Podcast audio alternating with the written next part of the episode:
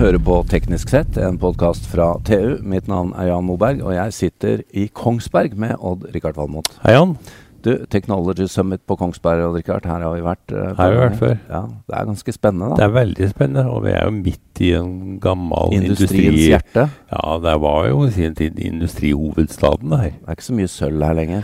Men å se, i hvert fall. Det er nok litt under bakken, tenker jeg. Det forsvant vel utenlands helt fra starten. Ja, ja. Men Odd-Rikard, vi uh, har jo vært her på Tech Summit i dag, og uh, du fikk litt sånn der eh, sånn industrifot, du, på Ja, åpningsforedraget. det. Ja.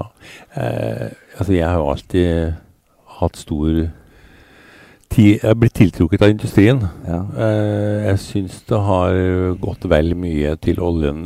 Nå, nå snur det, Mm. men vi har mye å ta igjen. Altså. Ja, jeg er ikke sikker på om vi skal klare det. Nå skal altså eh, Nei. Det skal skje mye på de neste årene, både for å, for å uh, gjøre det klimamessig riktig, for vi skal ha en vekst, og ikke minst erstatte det som forsvinner ut etter hvert med Ja. olje og gass. Ja.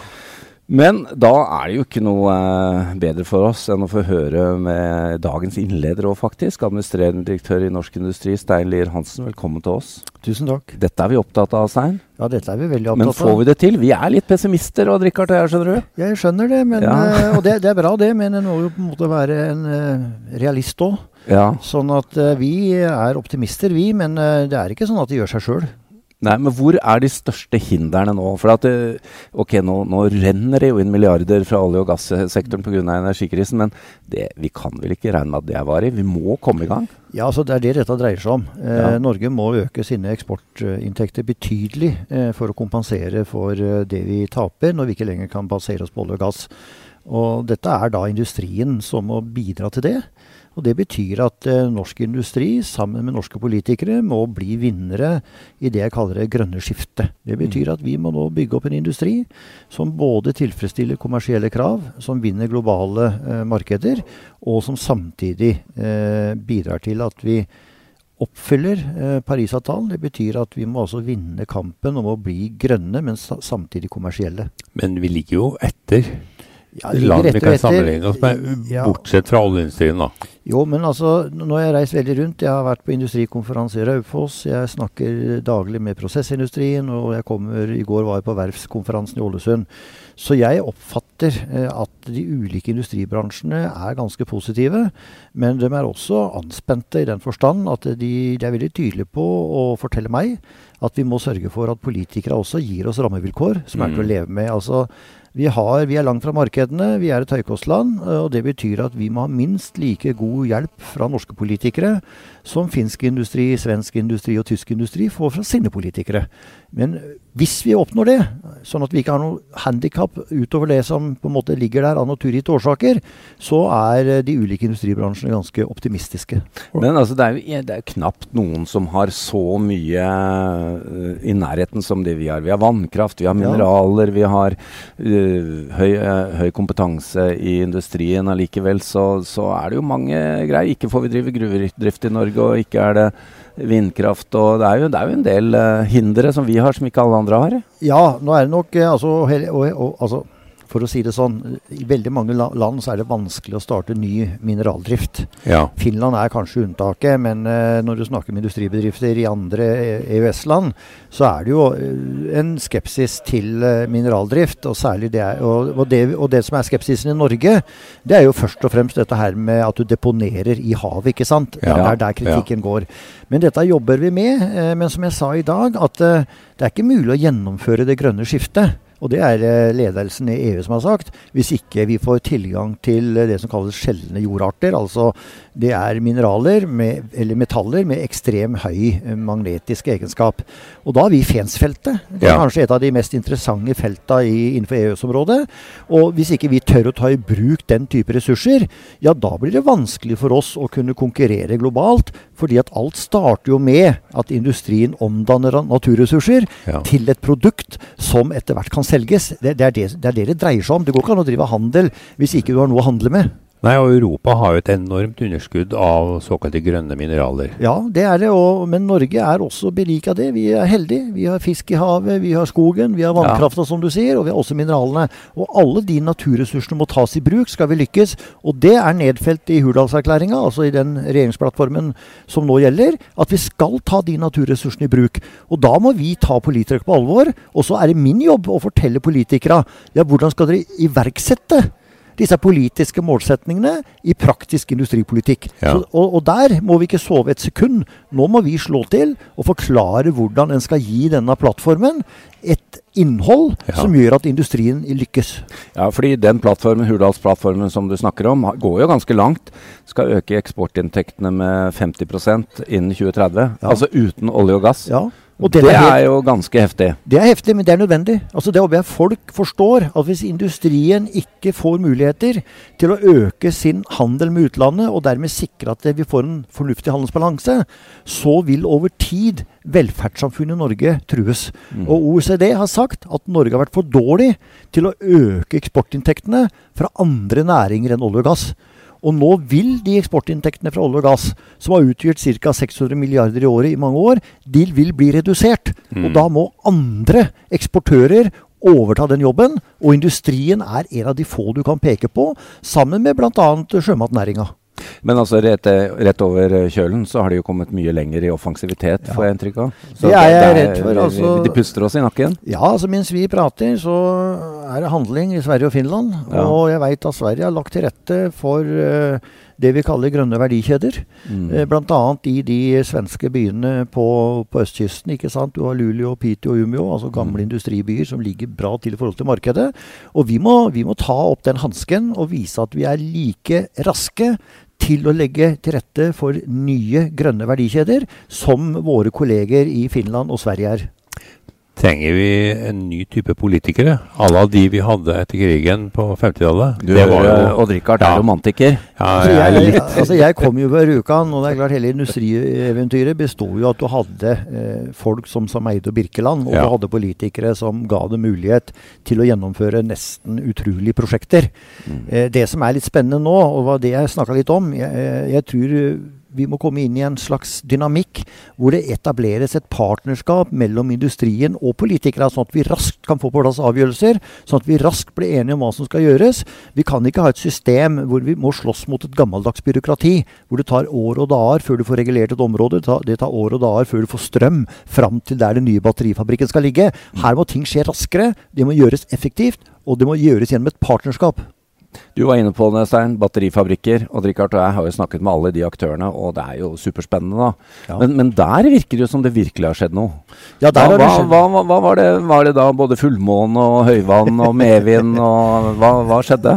Det, det, det, er jo to ting. For det første så forstår jo eh, hele teknologiverden og bilverden og flyverden at vi må raskt få på plass helt nye batterier. Moderne batterier. Altså, og Europa vil ha de. og Europa vil ha det. Mm. Og så kommer vi til poenget. De må lages med grønn energi. Ja. Og der kommer den norske vannkrafta inn. Mm. Vi kan altså lage batterier med grønn energi. Og det betyr at eh, hvis, da, hvis da Mercedes kjøper batterier fra Norge og kan dokumentere at de er ikke produsert med energi fra kullkraft, de er produsert med energi fra vannkraft, så er det et betydelig konkurransefortrinn. Og det er det vi må utnytte.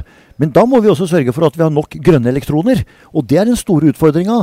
Har vi nok grønne elektroner om 15 år, om 20 år, om 30 år? Fordi at det, hvis vi lykkes med de grønne verdikjedene, så er dagens potensial, altså dagens overskudd vi har i vannkrafta, den blir spist opp i løpet av 6-7 år. Ja, Så vi må, vi må fylle på med mer grønne elektroner. Og det er vanskelig. Det er vanskelig, eh, og der har vi to, det er tre ting. Vi må, raskt, vi må veldig raskt nå pusse opp eh, gamle vannkraftverk. Ja. Der har vi fått en ny skatteregime som gjør det mulig. Og der kan vi ta ut 8-10 terawatt i løpet av få år. Dette er gryteklare prosjekter. En 300-400. Ja. Det andre vi må gjøre, er at vi må jobbe enda mer med enøk, ikke sant? sånn at vi utnytter elektronene mer effektivt. Der ligger det også et, potensial. Det gjør Så må vi komme i gang med flytende havvind. For de store fornybare energiressursene vi har, det har vi i storhavet. Og det har EU sagt, at også Norge må bidra til mye mer grønne elektroner ved å utnytte disse enorme energiressursene gjennom det vindfulle eh, dyphavet vi har. Og der haster det. Der må den nye regjeringa få ut fingeren. Og så må den sørge for at vi kan realisere store prosjekter i sørlige Nordsjø. Og vi må re realisere, og det er for så vidt vedtatt, tre store demonstrasjonsprosjekter på Utsira nord, hver på 500 megawatt. Lykkes vi med det, så vil vi klare å få en kraftbalanse som er til å leve med. Og her vil vi jo se noen uh, bud på disse konsesjonene allerede ja. tidlig neste år. Her vil vi se bud. Men én ting er jo å skape nytt, en annen ting er jo å ta vare på det vi har. Hva er løsningen for at prosessindustrien som er så stor i Norge, skal kunne leve videre? Ja, dem har, prosessindustrien, husk på Det er den eneste sektoren i Norge som har redusert sine klimagassutslipp med nesten 40 siden ja, 1993. Har, de har nådd målet, det. De har gjort jobben, dem, ja. mens andre har sittet og sovet. Ja. Nå er prosessindustrien i gang. Det, de investeres milliarder for å iverksette det veikartet som gjør at de skal være klimanøytrale i 2045. Ta et eksempel. Boliden skal investere over 7 milliarder i Odda. Mm. TISIR jobber med en eh, kjempeinvestering i Tyssedal, hvor hun skal bruke hydrogen eh, i den industrielle prosessen, som da fjerner eh, utslipp av klimagasser. Mm. Så vi er i gang. Nesten hele prosessindustrien er nå i ferd med å bygge om prosesslinjer for å både gjøre det grønne skiftet, men dermed også kunne selge kjemikalier, metaller etc til de som er avhengig av at det de kjøper fra norsk prosessindustri, er grønt. Ja. Sånn at her skjer det ja, Det siste nyheten i går det er at hele industrikløsteret i Nordland, med Elkem, Alcoa etc., skal nå starte et stort prosjekt ved å ta i bruk CCS, og dermed fjerne 3% av de norske utslippene av klimagasser. Vi er i gang. Ja, Det er jo imponerende, men vi trenger å, å se på hva den tradisjonelle industrien gjør. Men vi trenger også veldig mye ny industri. Ja, og da kommer de grønne verdikjeden inn. Da, vi, da, vil Yara sammen med Aker og Statkraft produsere grønn ammoniakk på Herøya. Mm. Da vil vi kanskje få to til tre batterifabrikker i Norge i løpet av et år. Det er en helt ny grønn verdikjede. Langs hele kysten nå så er det store prosjekter for å produsere eh, grønt hydrogen. Ute på sokkelen jobber nå store selskaper med å produsere blått hydrogen. Og det er vi helt, det er ja. Europa helt avhengig av. Ja. Så vi er i gang vi med å iverksette eh, de nye grønne verdikjedene, som er den nye bedriftene du snakker om. Mm. Men det krever én ting.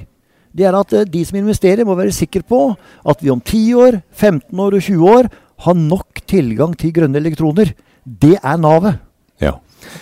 Stein Lier Hansen, vi er i Kongsberg på Tech Summit, og som eh, lytterne kanskje hører, så er vi i foajeen. Vi har ikke et eget studio her, men eh, det er helt fint. Men vi må jo da snakke litt om Kongsberg òg. Ja. Hvilken rolle denne industribyen har i dette som skal skje?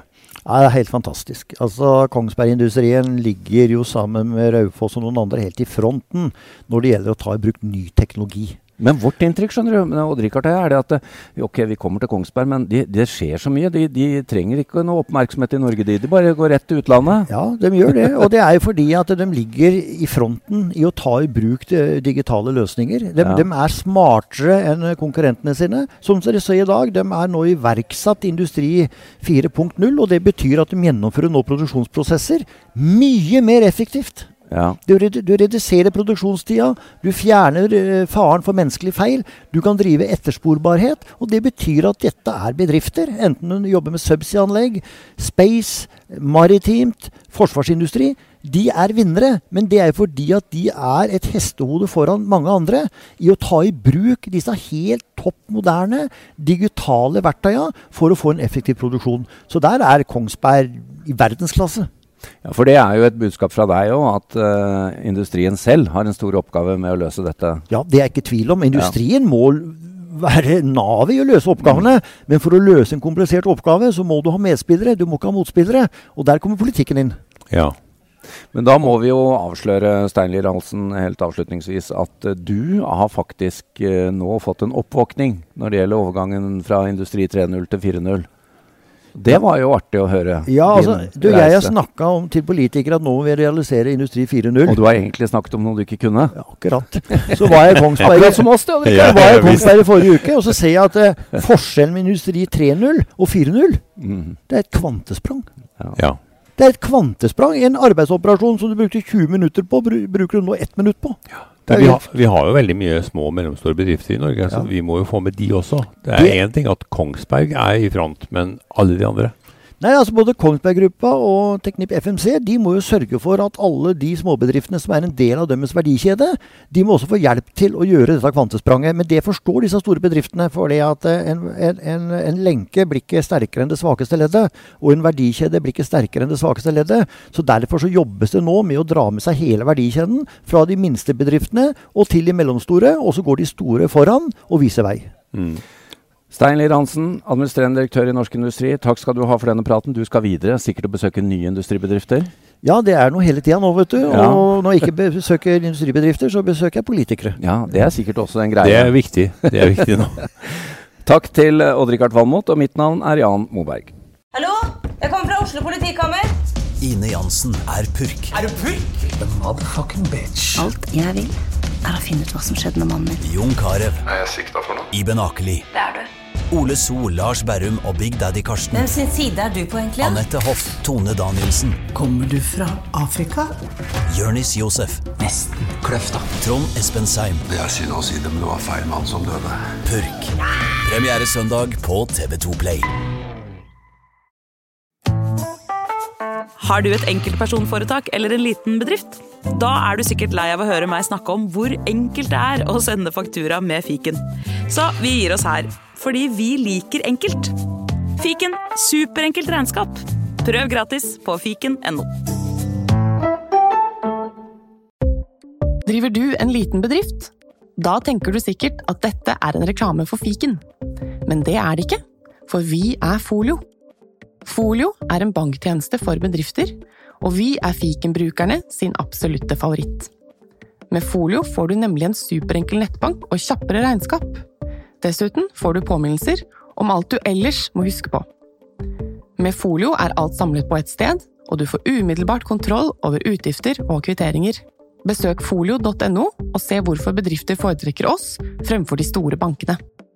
Folio smartere enn banken.